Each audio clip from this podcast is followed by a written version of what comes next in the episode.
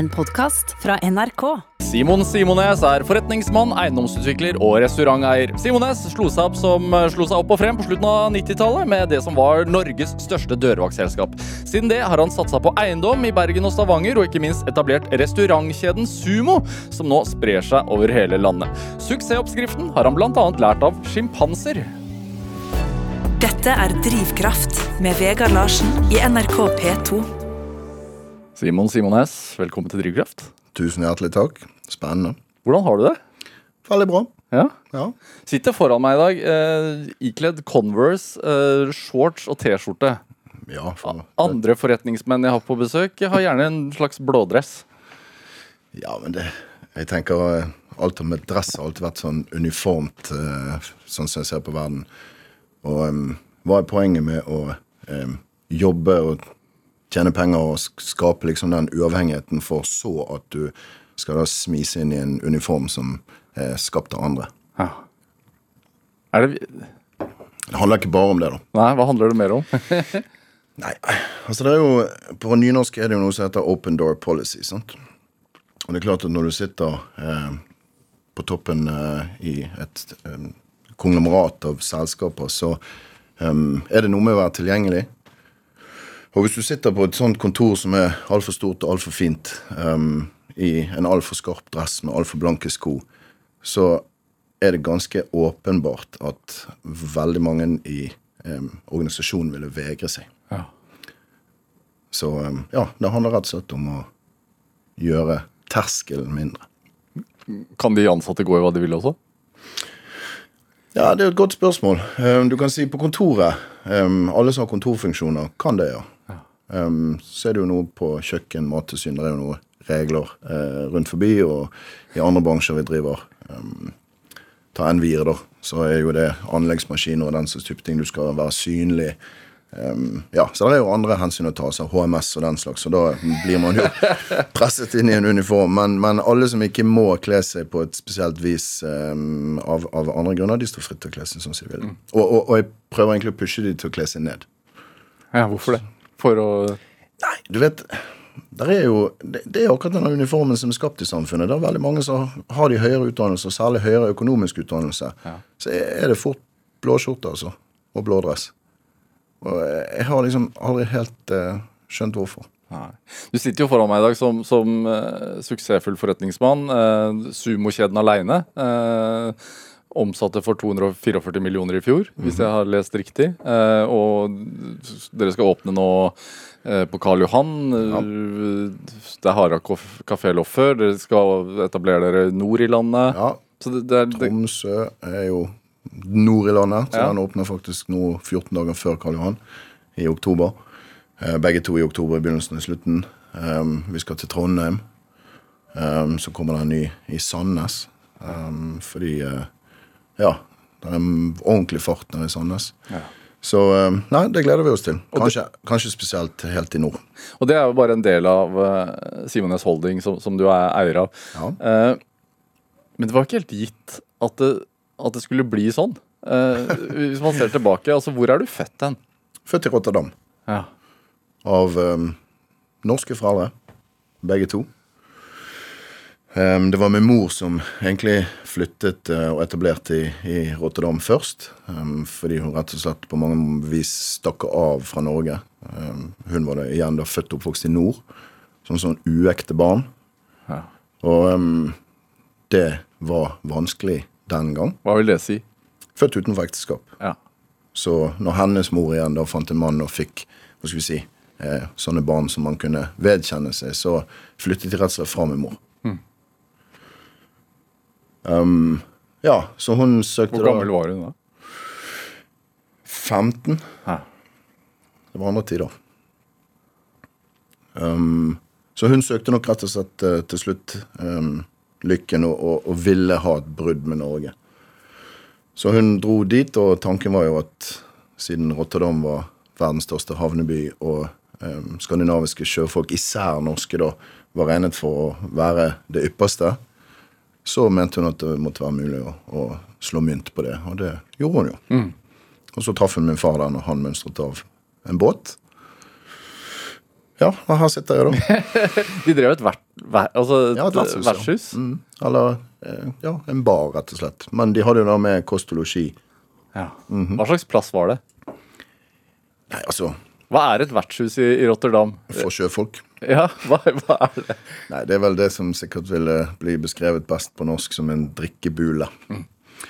Em, du vet Folk mønstret av disse båtene. Um, hadde gjerne fått lønn tre-seks, ni måneder cash. Hadde ingen plan med livet. Skulle ikke tilbake igjen til Norge nødvendigvis, og var satt av da i Rotterdam. Sånn. Så da um, Ja, hva ville de? Spise, drikke. Um, så det fungerte på den måten at de rett og slett ga min mor alle pengene. Og så fikk hun da beskjed om å gi um, Altså gi tilbakemelding om når de hadde noen dager kun igjen med eh, det, til det de trengte, sånn at de fikk eh, hyre på en ny båt. Og dermed så levde de livet, da, sånn som sjøfolk eh, gjerne gjorde. Så pika vi inn og sånn. Og der vokste du opp. Husker du noe av det? Å ja, ja. Du gjør det? Å ja, ja. Ja, det gjør jeg. Hva husker du? Ja, ingen negative ting. Um, vi hadde hunder, for dette var før uh, innbruddsalarmenes uh, gullalder. Hva slags hunder? En dobermann og to schæfere. Eller den ene schæferen var en sånn blanding, og det var liksom han som gjorde mest vei i vellinga.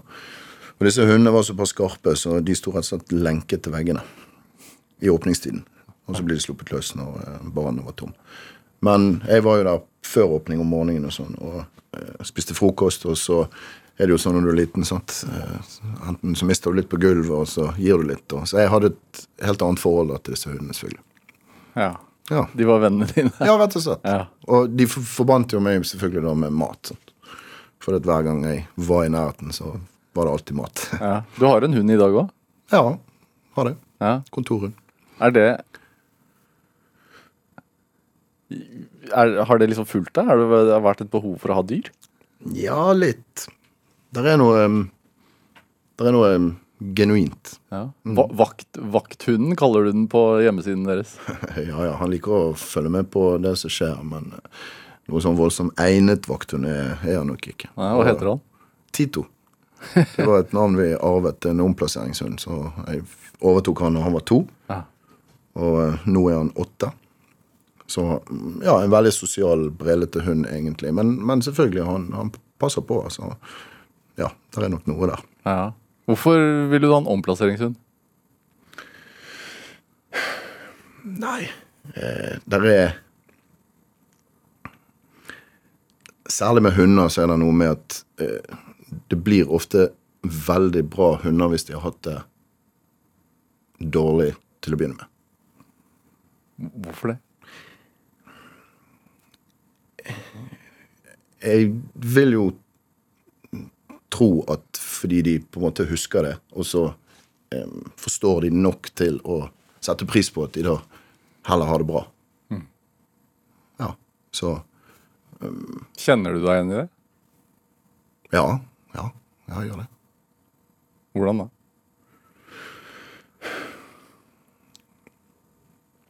Ja, det, det handler om perspektiv. Sånn. Det er klart um, Det er lettere å forstå um, Hva skal vi si Det er lettere å få et perspektiv på hva som er bra.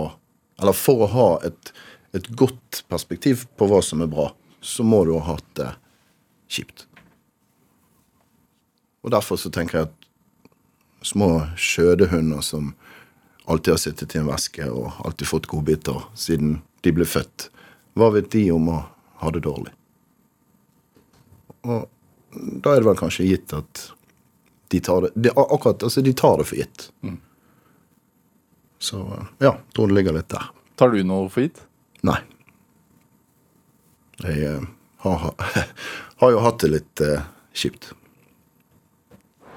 Dette er Drivkraft med Vegard Larsen i NRK P2. Og i dag er eh, forretningsmannen Simon Simones her hos meg i Drivkraft på NRK P2. Snakket så vidt om de første årene dine i Rotterdam. Hvorfor dro du til Norge? Ja, hvorfor dro jeg til Norge? Jeg um, dro ikke. Jeg ble sendt. Ja. Jeg var um, tre år og syv måneder. Um, det var for så vidt uh, en fornuftig avgjørelse, det. Min mor uh, hadde akkurat gått bort. Og ja, der satt uh, min far igjen, da, eh, med et lite barn og um, i uh, en situasjon med, med, drift og disse sjøfolkene, denne baren, og hadde liksom kost og losji og hadde fingrene fulle. Og det var Og sikkert også en sorg. Ja, ja, ikke minst. Men akkurat da så er det jo noe med Man skal overleve, sant. og så hverdagen skal, skal tikke rundt. Mm. Og så er det jo um, som vi har vært inne på. altså Det var jo mye alkohol inne i bildet. Um, og for min far sin del òg. Så han erkjente vel egentlig bare kjapt at dette var ikke noe sted å, å, få en liten gutt å vokse opp. Så han uh, mente det som var best, var å sende meg tilbake igjen til sin mor, uh, som bodde da oppe i Norge. Mm.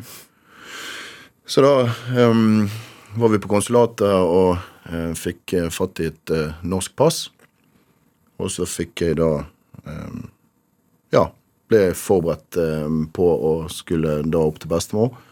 Um, Hadde du møtt farmor før? Nei. Um, og jeg snakket jo ikke norsk her, da. Ja. Så uh, jeg fikk et bilde av min bestemor. For jeg måtte jo uh, altså ha noen forutsetninger for å kjenne henne igjen, da. Mm. På flyplassen. Så pass, bilde, og jeg er usikker på om det hadde vært mulig å få det gjort sånn i dag. Eh, altså om det hadde vært mulig å sende barn alene på den alderen. Men det gikk i hvert fall da. Så eh, KLM, Amsterdam, Bergen. Og um, ja. Men hun, eh, hun sto da, hun. Helt vanvittig? Ja. Det er nok uh, litt, litt, utenom uh, A4. Ja. Hva, hva Hvordan har det påvirket deg, tenker du? Den type start på livet?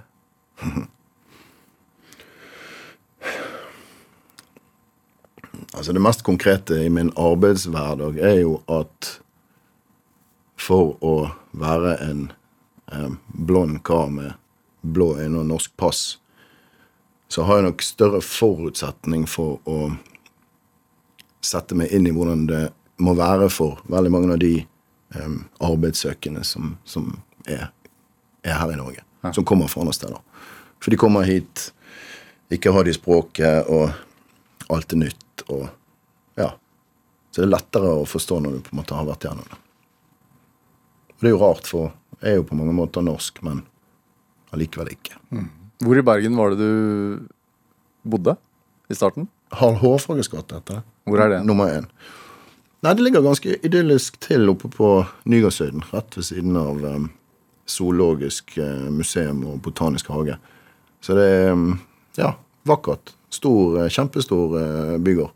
Ja. Og min bestemor bodde i en sånn kjempestor, klassisk bygårdsleilighet med 3,5 meter under taket og stue på stue på stue. Så um, ja da, det var ikke noe å si på fasilitetene. Nei. Hva var viktig hva gjaldt hva skal man si, barneoppdragelse for hun? ja, det var vel sånn klassisk barneoppdragelse. Helt sikkert uh, mer eller mindre en, en blåkopi av sånn som hun selv var oppdratt. Um, og du vet, tilbake i tid så um, Jeg tenker det var um, du, Det står vel i Bibelen òg. Du skal tukte de du elsker. Og jeg tror Det var vel den klassiske oppskriften. Mm. Um, ja. Og um, selvfølgelig i ettertid, når jeg ser tilbake igjen Og det tok lang tid. Jeg var um, 31 og fikk, fikk aldri helt fred. Hvordan da? Nei For det var en amfivalens der, sant. Så, um, så ekstremt mye kjærlighet. Og så mm, Kontraster, sånn. Ja. For du kan si um, en Du kan ikke egentlig akkurat kalle det vold, for hun var jo en relativt liten eh, kvinne. Men mm, altså God gammeldags tukt, da. Hun var en liten kvinne, men du var et lite barn. Jo, jo.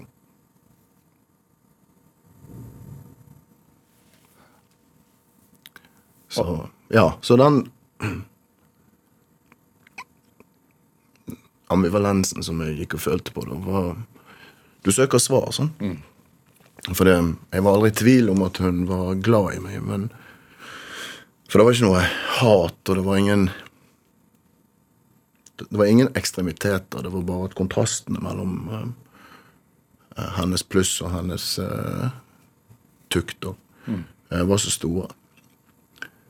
Um, så jeg, jeg eh, gikk faktisk til psykolog da for å se om noen som hva skal vi si, har brukt eh, store deler av sitt liv på å forstå hvordan mennesker fungerer. Altså hva, um, hva kunne komme ut av det. Og da ja, og du vet, Å gå til psykolog er jo helt annerledes enn sånn som mange kanskje ser for seg. fordi de tror at du skal gå til et eller annet belest menneske som skal høre historien din, og som skal fortelle deg hvordan tingene henger sammen. Men det er det man håper på. ja. Ja, kanskje. Ja. Men i, i virkeligheten så fungerer det jo sånn at de stiller jo bare alle spørsmålene. Sant? For du har jo alle svarene sjøl. Så de, det er jo bare en ekstremt um, intelligent eh, og utstudert måte å spørre på som gjør at du plutselig så klikker svar på plass. Og sånn var det her òg. Sånn. Um, så plutselig så gikk det opp for meg sant, at det, det var altså, Så merkelig som det kan høres ut, at det var rett og slett bare kjærlighet. Sant? Det misforstått kjærlighet på den gamle, emosjonelt umodne måten. Um, hvor de egentlig, altså foreldrene dine eller besteforeldrene, eller hvem det er som eh, utsetter deg for dette, egentlig vil bare ditt beste og er så redd for at du skal mislykkes, er så redd for at du skal feile, er redd for at du skal bli en dårligere utgave enn det du har potensial for. Mm. Og så gjør du det helt feil. Ja. Din Men det var lettere å bli ferdig med historien. Det var lettere å Altså, med en gang du forstår det, så Ja, du kan tilgi. ja. Er det viktig? Evnen å tilgi? Ja, det tror jeg. For du vet, før du evner å, å tilgi, så er det jo du som går rundt og bærer på det. Den viljen din til å likevel, hva skal man si, klare deg, da. Ja. Den må ha kommet ganske tidlig. Å ja, ja. Hva, hvor, har du tenkt noe på hvorfor? Ja, det har jeg jo selvfølgelig tenkt på. Um, men jeg har aldri funnet et sånn komplett svar. For det har på et vis ja, bare vært der. Så, men sånn som Veit jo at du blant annet øh, ganske tidlig ble en kremmer. Solgte pinn for å, for å tjene egne penger. Ja, Det er sunnmørsblod, det, vet du. Jo, men, men Var det fordi at du så på andre som hadde, eller hva var det som trigget dette her? Nei, Altså, jeg tror det beste svaret jeg har på hvor, eh, altså hvorfor eh, det gikk greit likevel da jeg var liten eh, Der er noe, hvis du leser eh, i dypet av dette, så er det noe med de aller første leveårene er ekstremt viktige. Og så lenge min mor var i live, så var det veldig bra. For jeg har eh, tre halvsøstre òg, sant. Men eh, altså nettopp tre halvsøstre. Og så var det da dette ønsket om denne gutten, sant? og så kom jeg, så, og min mor var blitt eldre og roligere. Sant? Og, så jeg fikk nok eh, om eh, noe eh, i overflod av eh, kjærlighet og ting i akkurat de der viktigste pregningsårene.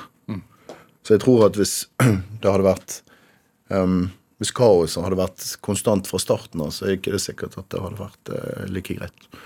Men jeg um, Nei, det er utrolig nok. Og jeg kan huske jeg hadde en sånn indre Drivkraft? Ja, en form for drivkraft, i hvert fall. Um, jeg kan huske at jeg tenkte at Og det, det er jo helt rart. Du er liksom fire-fem år sånn. Og jeg hadde allerede pønsket ut at tiden var på min side. Hva vil det si? Jeg ble, ble større og sterkere for hver dag, og hun ble eldre og svakere. Ah. Med andre ord, det var lys i tunnelen. Er det derfor du, sånn jeg leser deg, aldri har tålt at noen eh, har sagt til deg at det får du ikke til? Det klarer ikke du? Altså Det er noe provoserende med sånne nei-seere. Disse bedreviterne som Og det er ofte i negativ retning, sånn. Um, og jeg Jeg har um, Ja, det er noe Sant? Jeg har aldri vært spesielt um, lydhør for autoriteter. Jeg har aldri vært lydhør for sånne folk som skal prakke på deg et eller annet. Um, for jeg skal høre på et hvilket som helst argument. Um, men det må gi mening på selvstendig basis. Ja. Um, så når for eksempel da folk var veldig opptatt av å snakke meg ut og begynne med restaurant, for det var Nei, det går jo ikke an å, å driver med, og det er bare svarte penger, og det er bare tøys. Og alle de som jobber der, de bare stjeler og lyger og slutter, og det er bare kaos. Og til og med i bankene. Så fikk jeg jo streng beskjed på at hvis du, hvis du beveger deg inn på, på restaurant, så, så vil det gjøre noe med ratingen din inni computeren vår. altså, da, da, da, det, det, som, altså det, det blir som å gå på tur med stein i skoen. Sånn. Um, og, og, ja da, altså det finnes eksempler på hvorfor folk snakker om restauranter og konkurs og svarte penger, og spesielt et tilbake i tid. Altså I dag er det jo nesten ikke fysiske penger igjen i samfunnet, så nå er jo liksom hele den eh, greien der eh, mer utopisk. Men uansett, da. Um, også den gang så var det jo masse globale eksempler på at eh, det gikk an å drive med restaurant hvis man bare gjorde det riktig. Som for eksempel? Ja, ta McDonald's. Da, sant? ja. så, så altså det har jo hele formodningen mot seg da, å insistere på at det må bare være konkurser og svarte penger. og, sant? Eh, så, så da skulle hun i hvert fall gjøre det. Var det også altså sånn Hvis man tenker på uh, tilbake i tid, altså det, det, at du faktisk da gjorde ganske bra butikk på å selge pinn. Ja, disse pinsene. Ja. Ja, altså Det er jo en, en uh, morsom historie, selvfølgelig. Men, men um, på et eller annet tidspunkt så um, Når jeg var rundt og solgte, for det var en sånn redningsselskap Jeg tror faktisk de holder på med det der ennå. Um, så solgte du, og så kunne du Den gang kostet de tre kroner, og kunne beholde en krone. Mm. Og så fikk du sånn brett med 25 stykker på. sånn. Og jeg løp jo rundt og solgte dette. Men det gikk jo ikke lange stund før det gikk opp for meg at um, For du begynner å lese folk, sant. Så du er forberedt på liksom pitchen din når du skal selge det. og så du, sant? Nei, det der blir mest sannsynlig nei. Jo, den er sikker ja. sånn. Altså Når man går rundt med pinne? Ja, ja, som en liten gutt. sant? Ja. For du leser, sant? Det er litt på alder og kjønn på vedkommende som kommer, litt hvordan de går, hva de er opptatt med klesstil. sant? Så det, etter hvert så ble det et slags bilde oppi huet. da, sånn at... Hvem, hvem kjøpte? Ja, egentlig de aller fleste kjø kjøpte jo til slutt, for jeg hadde jo da laget med noen sånne eh, pitcher og sånt. Men du så noen sånne tydelige som du tenkte nei, det er ikke sjans. Men de kjøpte også hvis det var den siste. Hm. For da kom liksom det der medynkegreien inn. Du så at, og det så oftest menn, da, hadde lyst til å børste det av. sant? Ah, Guttunge, slutt å plage. sant? Hm. Men i det der øyesannhetens øyeblikk, når du står der med den siste, så slo det faktisk da en sånn empatigreie inn med de. Mm. Ja, OK, da. sant? Jeg ser det er den siste. Så de så jo helt sikkert for seg at da er du ferdig for i dag og kan gå og leke ball eller gjøre noe som guttunger på din alder burde gjøre istedenfor å løpe rundt her og holde på med dette. Så um, ja, så plutselig så klikket det da på plass, og ergo så hadde jeg alltid kun den siste. Se tilbake, hvem var den åtteåringen som gikk rundt og solgte pinn? Hmm. Ja, i, i, hvert fall en som var full i driv, selv om det den gang handlet om andre ting enn det handler om i dag. Hva handlet det om da? Frykt. For?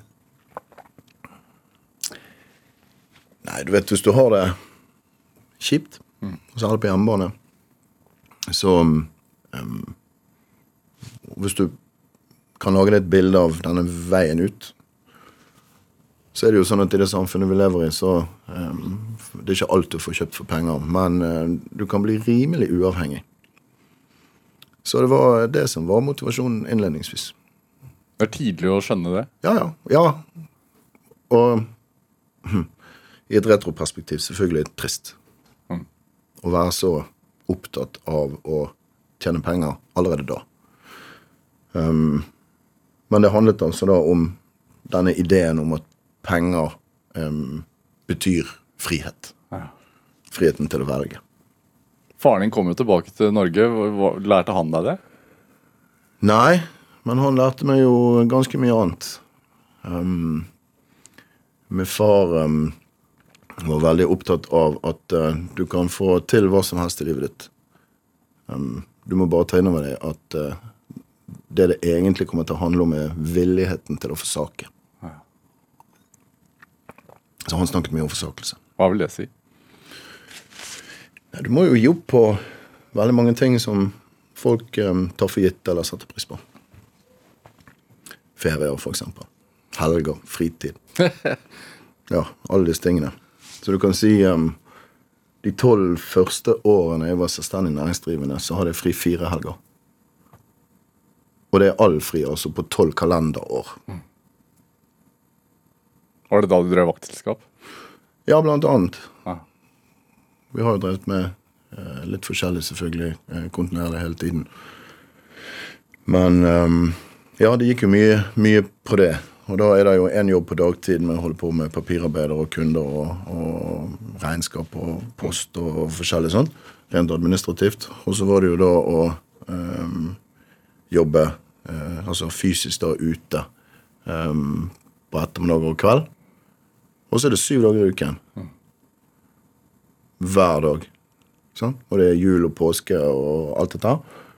Mm, og ofte så er det jo da større sjanser til å eh, hva skal vi si, tjene mer penger og altså yte denne servicen. For det var jo noe av det som gjorde at dette vaktselskapet ble så stort.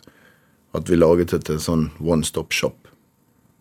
Så vi utviklet jo tilleggstjenester da, som gjorde at disse restauratørene til slutt egentlig kun skulle konsentrere seg om sin egen kjernevirksomhet. Og så kunne vi ta oss av eh, toaletter og vakthold og førstehjelp og ja, eh, vedlikehold, vaktmestertjenester, eh, masse andre ting. sant? Og til slutt også, Det var derfor vi kom inn på dette med renhold. Fordi at eh, Hvorfor i verden skulle de drive og bakse med det? Og ideen var jo ganske enkel. Um, så innsalget var jo akkurat like enkelt. Vi har jo så mye mer å tape på å feile på renholdet enn alle andre renholdsoperatører, fordi dere også kjøper eh, vakttjenester hos oss, vedlikeholdstjenester hos oss. Sånn at hvis vi klusser dette til, og du blir sur på oss, så mister vi da eh, butikk tre steder. Mens vaskeselskapet mister bare da det vaskeoppdraget. Derfor så stolte de mer på det. Ja, akkurat, så Det var liksom hele, hele greia når, når dette skulle da forklares. Pluss at de hadde jo da erfaring med hvilke leveranser vi gjorde på andre ting. Så kortversjonen er jo at altså alle eh, kundene som vi hadde på vakthold, vasket vi og så, så å si. Hva betydde det for deg at uh, det at uh, pappaen din kom til Norge igjen og bestemte seg for å bli nettopp det igjen? Ja, du vet, Jeg hadde jo ingen forutsetninger for å forstå em, hva, det, hva som lå i det da. Um, han var på plutselig norgesbesøk. Han kom gjerne innom uh, en ukes tid om sommeren. Um, og så hadde jeg akkurat fått karakterboken min. Og eh, min bestemor pleide jo å sette himmel og jord i bevegelse. sant? Og jeg har alltid vært veldig flink på skolen, så det var ikke karakterene som var utfordringen. Men um, um, det kunne stå små ting som at eh, jeg var urolig i timene, eller hadde um, Det kunne være tendenser til konflikter med andre og sånn. Altså åpenbart helt naturlige ting for små gutter. Men i hennes verden så var jo det ja, helt utilgivelig. Så um, jeg fikk ofte da husarrest første fire ukene i sommerferien sånn, av en liten kommentar i karakterboken. Uh, og min far var jo altså da mye større enn jeg. Altså, Du, du er en stor mann. jo, jo, men uh, jeg er 1,86, og han var 1,96. Sånn. Eh, og hadde vært sjømann og utkaster på egen sjapp i hele sitt liv. og alt det der. Hadde mye større hender enn jeg har. Så du kan jo tenke deg Jeg så for meg at han skulle henge seg opp i noe av den karakterboken. Så. Og hvilke konsekvenser det da eventuelt kunne få. Så jeg var jo sikkert helt blå på leppene av sk- skrekk når jeg skulle inn til han og vise han eh, karakterene. Men han var jo helt fra seg av glede, for han var jo da fokusert på karakterene. Og jeg har alltid vært eh, ja, altså Flink er i hvert fall ingen overdrivelse. Jeg har også vært særdeles flink på skolen. Så han var helt fra seg. Og jeg husker jo at han bare sprakk opp i et kjempestort smil sant? og nappet meg opp fra gulvet. og så hele denne der, Det var jo også en sånn emosjonell karusell, for jeg så jo ikke den komme i det hele tatt. Men så var han jo ikke dummere eller mer avskrudd enn at han senset jo um, Ja, at det var noe. Og det var i det øyeblikket at jeg fortalte han uh, hva som foregikk uh, innenfor husets fire vegger. Og da eh, lovet han å komme tilbake.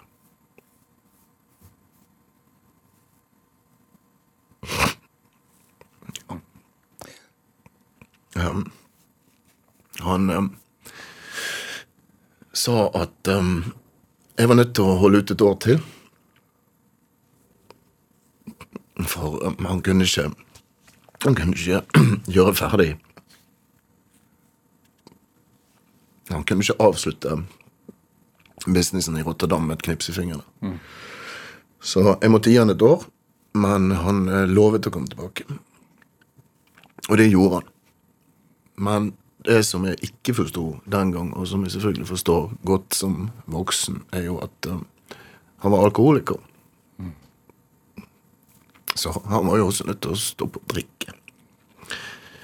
Og for de som vet noe om alkoholisme og hva som skal til, og hvor mange kjemper med det, og institusjoner og hjelp og antabus all verdens. Så um, han drakk gjennom hele opplegget med å bli kvitt driften og selge husene og kvitte seg med alt som skulle. Og så, når det var 14 dager igjen til han skulle til Norge, så gikk han inn på sin stambar der som han gikk på fritiden. Og så i alle sånne barer så er det en sånn bjelle du kan ringe i. Og det, er en, da, det betyr at du river i en runde alle steder. Så han ringte i bjellen og sa at um, han skulle Dette var siste runden. Og det holdt han faen meg. Så På min fars gravstein står det Her hviler en mann av ære.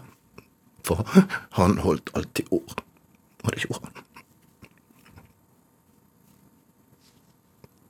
Er det også viktig for deg Ja, kjære tid. å holde ord? Det blir jo en sånn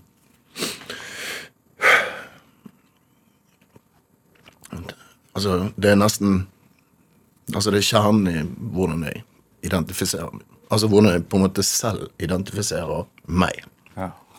Simon Simenes, ehm, det blir sterkt dette her. Eh, vi skal spille litt musikk, syns jeg. Ja, la oss gjøre det. Um, det har med en låt som heter The Sound of Silence av Disturbed. Skal vi si hvorfor før eller etter? Nei, det kan vi ta etter, men det, det blir eh, sikkert litt sterkt, det òg.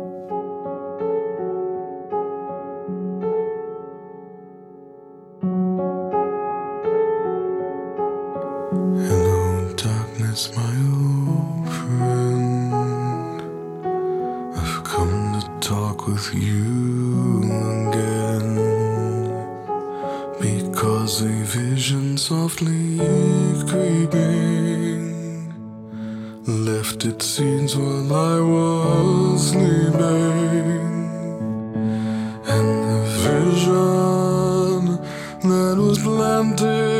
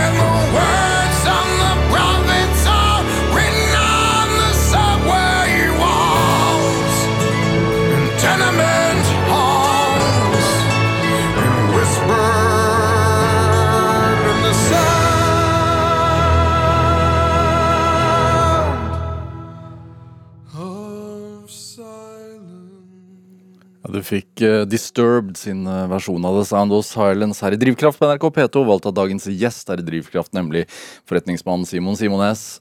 Hvorfor denne låten? Hvorfor denne versjonen? Dette er en mye sårere versjon enn albumversjonen. Og det handler litt om det. sant? Altså, jeg leser ganske mye og har gjort det hele livet. Og Um, det er en amerikaner, Thoreau, som er kjent for et sitat som er The mass of men live their whole life in quiet desperation. Og det er noe med det. sant? Og så er han tilegnet en fortsettelse av det som han faktisk ikke har skrevet, men som allikevel Og som egentlig syr dette sammen, og det er noe som Ja. Eh, ja, det, det gjør voldsomt inntrykk på meg, og av flere grunner, selvfølgelig. Men altså, the mass of men lives, live their whole life in quiet desperation. And then they die with the song still inside of them. Og tenk så mange som har det sånn. Um, så Når bestemte du deg for at det ikke skulle bli deg? Nei, du vet Det er egentlig kanskje ikke min historie. Fordi jeg har aldri tenkt at det kom til å bli meg. Jeg har alltid vært sterk og alltid vært Tør å gå egne veier. Tør å snakke mot autoritet og tør å gjøre valg som alle fraråder meg. Um, men jeg er jo fullstendig klar over at jeg er unntaket. Jeg skjønner jo uh, jæklig godt at det er ikke sånn folk flest har det. Og det er jo Det får jeg ofte tilbakemeldinger på fra andre. Hvordan tør du det? Hvordan tørde du det? Som for eksempel når? Altså For eksempel nå har vi jeg sitter og gråter på nasjonal radio. sant? Og tøffe gutter gråter ikke alt det der. Men eh, jeg tenker jo det omvendt. Du skal være ganske tøff for å gråte åpent. Og det gjør jeg jo bare for altså, nær sagt, Jeg gjør det eh, andre steder enn på, på radio òg. så altså Er det sånn det er, så er det sånn det er. Um, men det er noe i den tristheten i at det er så mange som lar seg stoppe nettopp da av autoriteter eller naysayers eller lærere som aldri så de, eller ga de muligheten til noe annet, eller arbeidsgivere, eller du har feil pass, sant? så du, du får ikke lov å jobbe her eller der, eller eh, hva det nå måtte være. Ja, fordi du har jo følt på en del utenforskap, antar jeg, opp igjennom? Å ja, ja, ja. Ja. Veldig. Um, og da er det jo noe med at når man da først er drevet av frykt og uavhengighet, og man skal bli rik, og sånn, sånn så blir man jo da lullet inn i en, en tanke om at eh, formålet med alt er å bli rik. Men å bli rik er jo ikke noe formål um, i seg selv. Det er jo spørsmålet snarere hva du eventuelt da skal bruke denne rikdommen til. Um, og det er noe sånn veldig tomt som dessverre passer kjempefint inn i vår samtid med Instagram og Facebook og filtre og alt dette. hvordan er rikdommen liksom er blitt et slags synonym med å lykkes. Og det glorifiseres og sånn. Men jeg har jo vært der. Jeg har jobbet for å bli uavhengig og var helt sånn besatt av tanken på at jeg måtte ha ekstra penger i tilfelle. Sant? For det var en sånn ting som jeg lærte av min far. Å alltid ha noen sånne penger i en skuff i tilfelle rainy day. Sånn. Og så var det da sant, å kjøpe eiendom at det eh, var lurt. Og du kunne eh, pusse opp, og du kunne utvikle, og du kunne få mer leieinntekter. og du kunne Alle pengene som banken ikke skulle ha, de var da dine ekstrapenger sant, i til, tillegg til vanlig inntekt. Og det var noe sånn forløsende med at ok, da kapitaliserer det seg opp eh, en del, da, som jo igjen da var synonymt med uavhengighet og, og trygghet. Men utfordringen er jo at der, du løper og løper til en mållinje du aldri finner.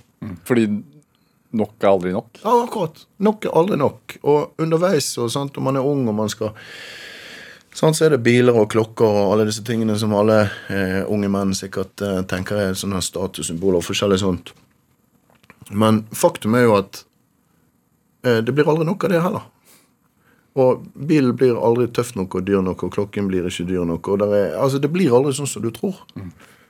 Um, og Den enkle måten å summere det opp på er jo at hvis, hvis noen gjør da, det lille tankeeksperimentet at du kunne få så mange penger du ville, si en milliard kroner, da, og de var hvite, de var dine, og de var beskattet, og alt var helt ok, så fikk du da eh, kort tid på å gjøre alt om i materielle ting.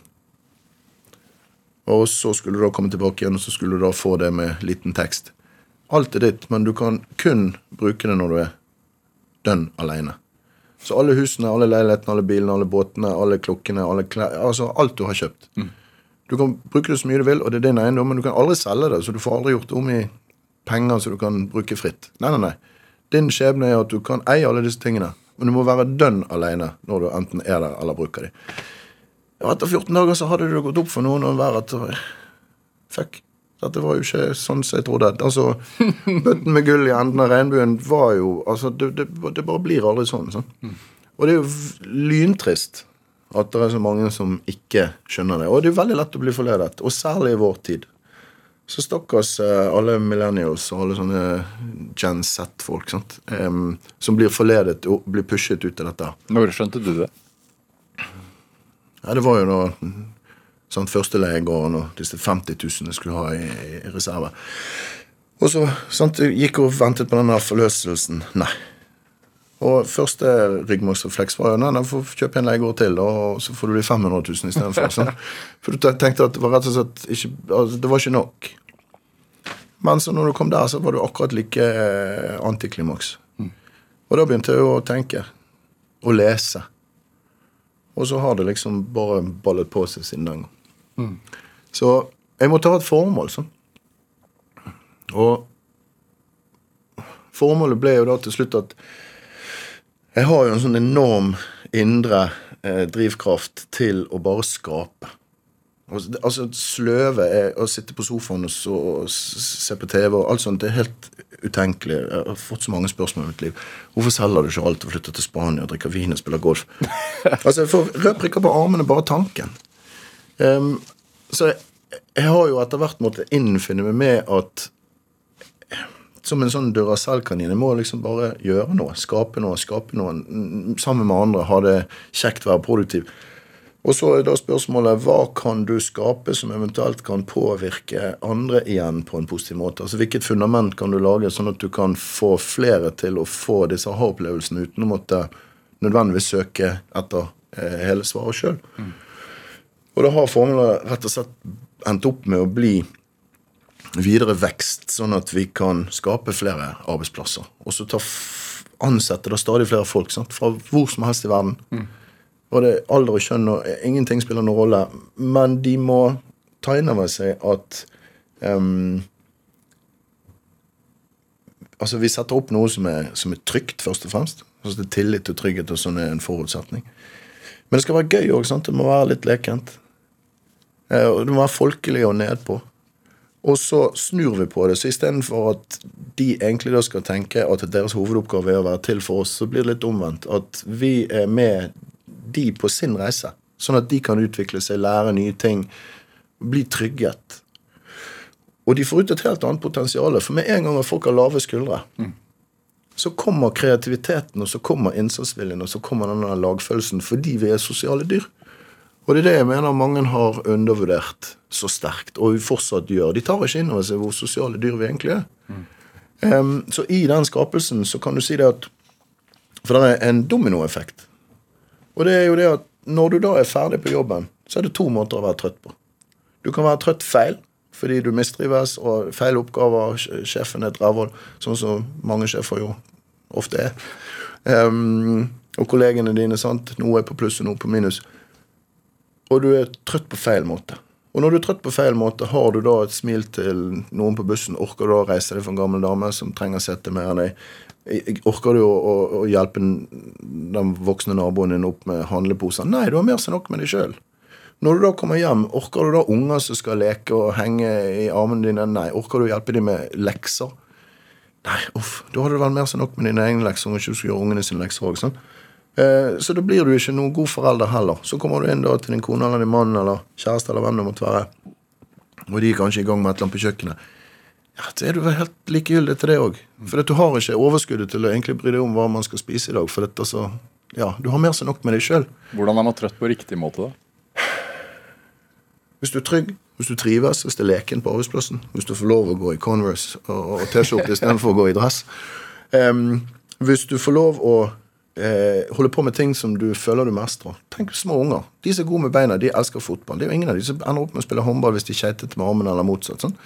Og der ligger det jo helt sånn åpent at alle gjør det de føler de mestrer. Og mestrer de ingenting eh, med idrett og ball, så begynner de gjerne med musikk eller male eller tegne eller gjøre noe annet. sånn.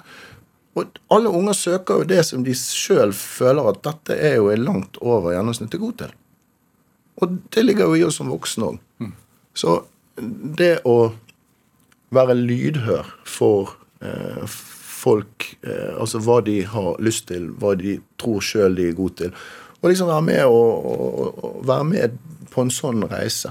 Og du får engasjerte medarbeidere på et helt annet nivå. Hva, hva, bortsett fra engasjerte medarbeidere, hva får du ut av det?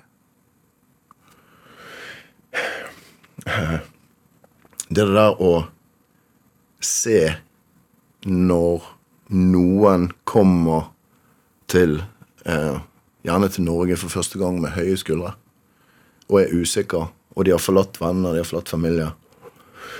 Um, og det der å følge den reisen når de er på plass, og, de, og til å begynne med så tar det ofte tid for dem, for det, det, det, er ikke mulig for dem å forstå at det kan være sånn at, at noen på jobben skal bry seg om hvordan de har det, eller stille spørsmål med hvordan det er hjemme, eller altså i hjemlandet. Men det er klart, hvis du har en ansatt som er langt vekk ifra, og de har eh, eh, noen på foreldre- eller, eller besteforeldrenivå som er syke eller eh, trenger medisin, tom for penger, hva det måtte være, tror du at vedkommende kan være her da og smile og, og, og være høflig og hjelpsom og yte maks og være kreativ og alle disse tingene? Nei, fordi at vissheten om at det ikke går som det skal der hjemme, det er jo det som opptar hele organismen. Så du må opparbeide et tillitsforhold, sånn at du blir kjent med dette, at du, kan, at du kommer så nærmt at du kan stille de spørsmålene. Er alt greit ellers i livet? Og det kan være enkle, mer norske ting, som at man har overtrukket et sånt Ikea-kort, eller whatever. sånn. Men det er klart at hvis inkassoene er, er, er hovedtyngden av det som eh, kommer i innboksen din eller i postkassen din, eh, så bare glem å fortelle meg at eh, du yter på ditt eget optimale beste. For det er en umulighet. Og det å da skape et miljø hvor du som arbeidsgiver og de som igjen nedover i organisasjonen, alle lederne For det, det er jo veldig mange ledere som ikke tar inn over seg. De tror at de har den funksjonen fordi de er best til det som skal skje.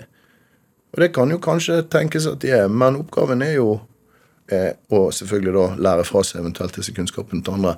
Men det er jo å ivareta de. For det er jo nye mennesker da som skal ta seg av da, gjestene dine eller kundene dine eller et eller annet. Så alle sånne sjefer som løper rundt og sier at nei, det er min pri én kundene mine, de i min bok i hvert fall har jo ikke forstått noe av uh, hva det handler om. Så um, ja. Men er, ja. Ja. er du Når du da er opptatt av å se de ansatte og lurer på hvordan de har det, er det også fordi at du var opptatt av det da du var ung? At noen skulle se deg og var opptatt av hvordan du hadde det? Nei, kanskje ikke, men i en søken etter Altså, hva handler alt sammen om? Og i forståelsen av um, hvor jæklig galt det kunne gått hvis jeg ikke hadde hatt medfødte evner, eller hvis ikke situasjonen hadde vært sånn som den hadde vært, så ser jeg jo noe med at dette kunne jo kanskje ha endt eh, riktig gærlig. Gått i feil, gått i andre retninger? Ja, sant. Og ehm, da er det jo noe med å, å bidra igjen da med det du kanskje sjøl tenker at du har størst forutsetninger for å mestre og holde på. Og det er klart, så mye som jeg har lest, og um, sånn som empatien min fungerer nettopp på bakgrunn av sånn som det har vært, um, så jeg ser noe av, av den desperasjonen som er jo så merkelig nok enkelt håndterte, men som jeg også like enkelt forstår at ikke er gitt at alle gjør. Og dermed så er det for å gjøre en avlastning. Og så er det jo noe med at folk må ta inn over seg at trøtt på riktig måte, så har du fortsatt smilet på. Du har den ekstra energien. Du kan fortsatt gjøre lekser med ungene dine. Du, du, du kommer fortsatt til å bry deg om eh, hva som skjer på kjøkkenet med din kjære. Fordi du har de girene inne. Fordi at du, ja, du rett og slett er trøtt på rett måte. Og, og da blir du et bedre menneske. Og det påvirker jo ikke da bare deg som arbeidstaker i en eller annen organisasjon som har skjønt det. Det påvirker jo alle rundt deg. Og etter hvert som vi da eh, får stadig flere ansatte og flere ledere som vi trener opp i dette, masserer dette inn i, og, og de har følt det på kroppen, så de vet at det er sant, så blir de eh, budbringere. Og, og, og, og du vet, når sannheten og, og, og virkeligheten kommer innenfra, så, så eh, er det mye sterkere, det er mye mer troverdig. fordi som eh, de fleste sikkert vet, altså kroppsspråk og ansiktsmimikk og tonefall alle disse tingene er mye sterkere enn ordene i seg sjøl. Sånn at når alle disse har følt på kroppen at jo, men det, det er sånn det er her, du kan tro på det. Her får du blomstre, her får du lære, her, får du, her blir du ivaretatt. Og har du problemer hjemme, eller økonomiske problemer, eller samlivsbrudd, eller du trenger noen å snakke med, så kan du faktisk gå internt her på arbeidsplassen, og du får en oppfølging som bare wow. Jeg vet at du er opptatt av eh, altså Du snakker jo om at vi er sosiale dyr. Jeg vet du er opptatt av Frans de Waal sin bok eh, 'Chimpanzee Politics'. Ja, er det. Er det, er det noe altså, Ja? Ja, men det er jo Er det det handler om der også? Ja, det er så, altså, Hvis du tar hele denne boken og hva skal vi si, komprimerer ned veldig kort, da, så kan du si at eh, store, brutale eh, hannsjimpanser, som da stjeler all maten til de andre og banker alle, terroriserer de, og liksom eh, kommer seg til topps i hierarkiet, så kan jo det i første øyemed se ut som en slags vinneroppskrift. Og eh, han tar for seg alle eh, og ingen av de andre får smake verken vått eller tørt eller kvinnfolk eller noe. Han skal ha alt, og all maten og alt det der. Men så er jo da spørsmålet hvor lenge varer det? Og det viser jo historien for de som har studert dette, og det er jo det som er fascinerende. Det varer ikke. For han har, det er ingen konsensus i flokken om at det er ok. Så alle sitter bare og venter på at han skal ha, ha ett svakt øyeblikk. Og så rusher de inn. Og når sjimpanser eh, utøver rettferdighet, det er stygt. brutalt, Det er brutalt, altså. For de river han jo rett og slett fra hverandre.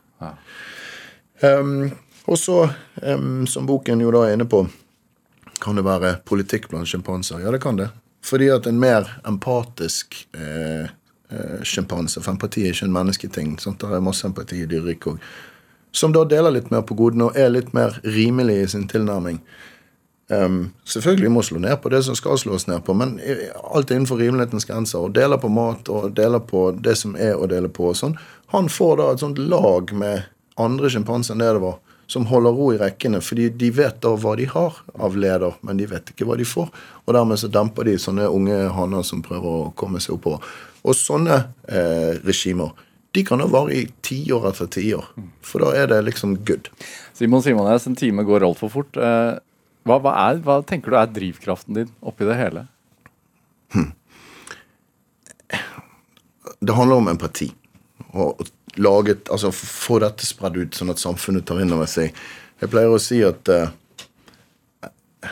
empati er det som er broen mellom egoisme og over i altruisme. Um, og det tror jeg er en viktig greie. Um, og, jeg tror det kommer til å være svaret på stadig mer. Um, så jeg har, har klokketro på og, sant, Alle ledere spør seg alltid hvordan skal man få mest mulig ut av folkene sine. Um, og tillit og empati og de tingene der de går veldig hånd i hånd. For du, du, du har lett for å stole på de som gir deg omsorg. Simon Simones, tusen takk for at du kom til Drivkraft. Tusen takk for at jeg fikk komme. Hør flere samtaler i Drivkraft på nrk.no eller i appen NRK Radio. Send oss gjerne ris og ros og tips til mennesker du mener har drivkraft. Send en e-posten til drivkraft, krøllalfa nrk.no. Vi hører gjerne fra deg. Produsent og researcher i dag var Olav Tessem Widsvang. Dette var Drivkraft. Og jeg heter Vegard Larsen. Vi høres.